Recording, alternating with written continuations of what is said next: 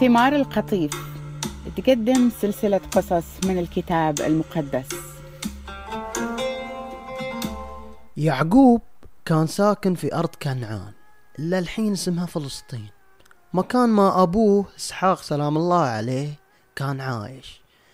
يعقوب كان معروف باسم تاني إسرائيل ومعناه بالعبري يجاهد مع الله. والقصة مذكورة في التكوين 28 آية 32 ويعقوب كان متزوج مرتين ليا وراحيل.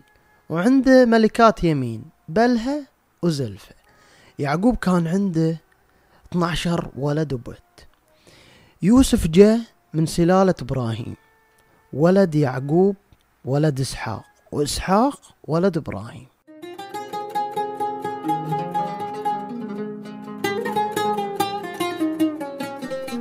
وهالكذي بدت قصة يوسف. لما يوسف سلام الله عليه كان بعد هو شباب ولد 17 سنة. كان يرعى غنم يا أخوته من أبوه. أولاد بلها وزلفة اللي يخدموا عندهم. كان يعقوب يحب يوسف أكثر من أخوته لأنه جابه على كبر. عشان كذي دلعه وسوى له أردة ملون. كان شي فخم هذيك الأيام زي البشت يعني.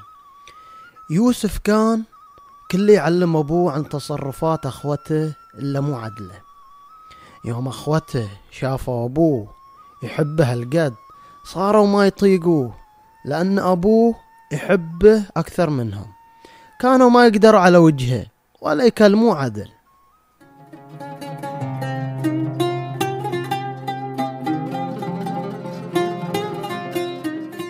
في مرة يوسف حلم حلمه ويوم قال لأخوته وش حلم؟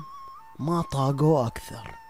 قال ليهم اسمعوا هالحلم اللي حلمتها حلمت كنا في المزرعة وكان في حزم محاصيل قمح. وما شفت إلا حزمتي وقفت وبعدين شفت حزمكم لفت حوالي حزمتي وسجدوا إليها ويش مفكر نفسك أنت؟ بتصير رئيس علينا وبتحكمنا.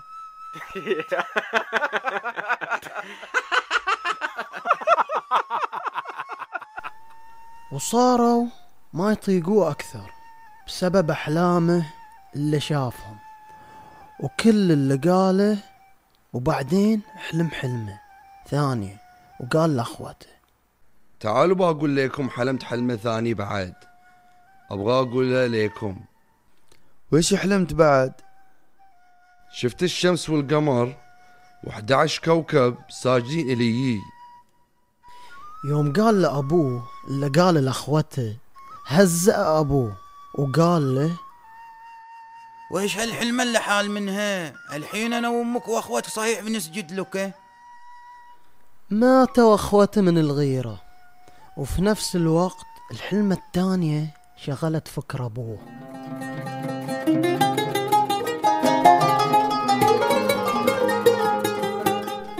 وفي مرة أخوة يوسف راحوا منطقة شكيم يرعوا الغنم.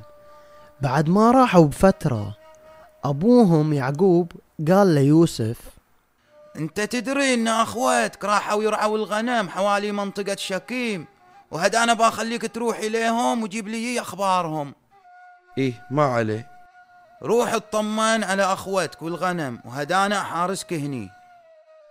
رسل أبوه من وادي حبرون المعروفة اليوم بالخليل ويوم راح إلى شكيم شاف رجال في المزارع مو من دل وين أخوته وقال له وين رايح يا ولدي؟ أدور إخوتي أولاد يعقوب دليني عاد وين يرعوا الغنم رحم الله والديك. ما هم هني؟ سمعتهم يقولوا بيروحوا وادي دوثان. مشكور ما قصرت.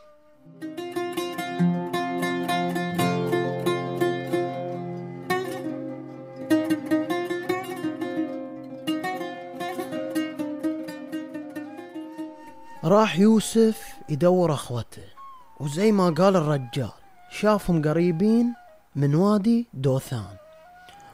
وهم بعد شافوه من بعيد وقبل ما يوصل عندهم فكروا إنهم يقتلوه وقالوا لبعض هداه جاي يا أبو الأحلام؟ خلونا نقتله ونرميه في البير. إيه نقول انه هجم عليه حيوان متوحش وقضى عليه. وبنشوف بعدين إذا أحلامه تنفعه. نفتك منه ومن أحلامه. خلاص اتفقنا إيه؟ لكن يوم سمعهم أخوه الكبير رأوبين ما رضى على يوسف وقال لهم لا وشو نقتله ما نبغى نهدر دم حد ارموه في البير وخلاص ولا تلمسوه. ما تفرق أي شيء. أهم شيء نفتك منه. رأوبين كان قاصد يقول كذي عشان يخلصوا منهم ويرجعوا لأبوه. يوم وصل يوسف عند أخوته أخذوه فسخوه الردى الملون وبعدين أخذوه ورموه في البير وكان البير فاضي وما فيه حتى ماي.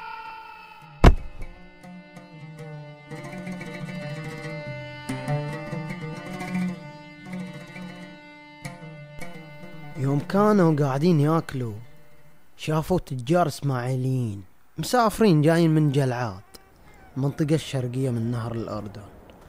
وعلى إجمالهم حاملين بخور ودهن عود ومواد تحنيط رايحين مصر. ويهودا قام قال لأخوته الحين وش بنستفيد لو قتلنا أخونا وكذبنا خلنا نبيع لهدولين الإسماعيليين وخلاص لا نقتله ولا شيء. مهما يكون ده أخونا من لحمنا ودمنا.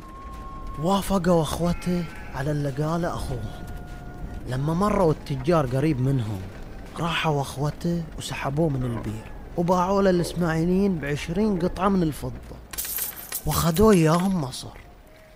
يوم رجع رأوبين إلى البير وما شاف يوسف هناك انفجع وشق ثيابه من القهر وراح لأخوته مفجوع وقال ليهم ترى أخوي مو في البير وين أولي على عمري أنا؟ يوم رجعوا أولاد يعقوب إلى أبوهم في وادي حبرون. أخذوا أردة يوسف الملون وقاموا ذبحوا ماعز وغمسوا الردة في دم الماعز. وبعدين أخذوا الردة إلى أبوهم. واحد منهم قال أبوي شفنا هالردى شوف تأكد هذا ردا ولدك يوسف لو لا. يو هذا رد ولدي. أكيد حيوان متوحش هجم عليه وقتله. فرم ولدي فرام. شق يعقوب ثيابه من الخلع ولبس ثياب الحزن.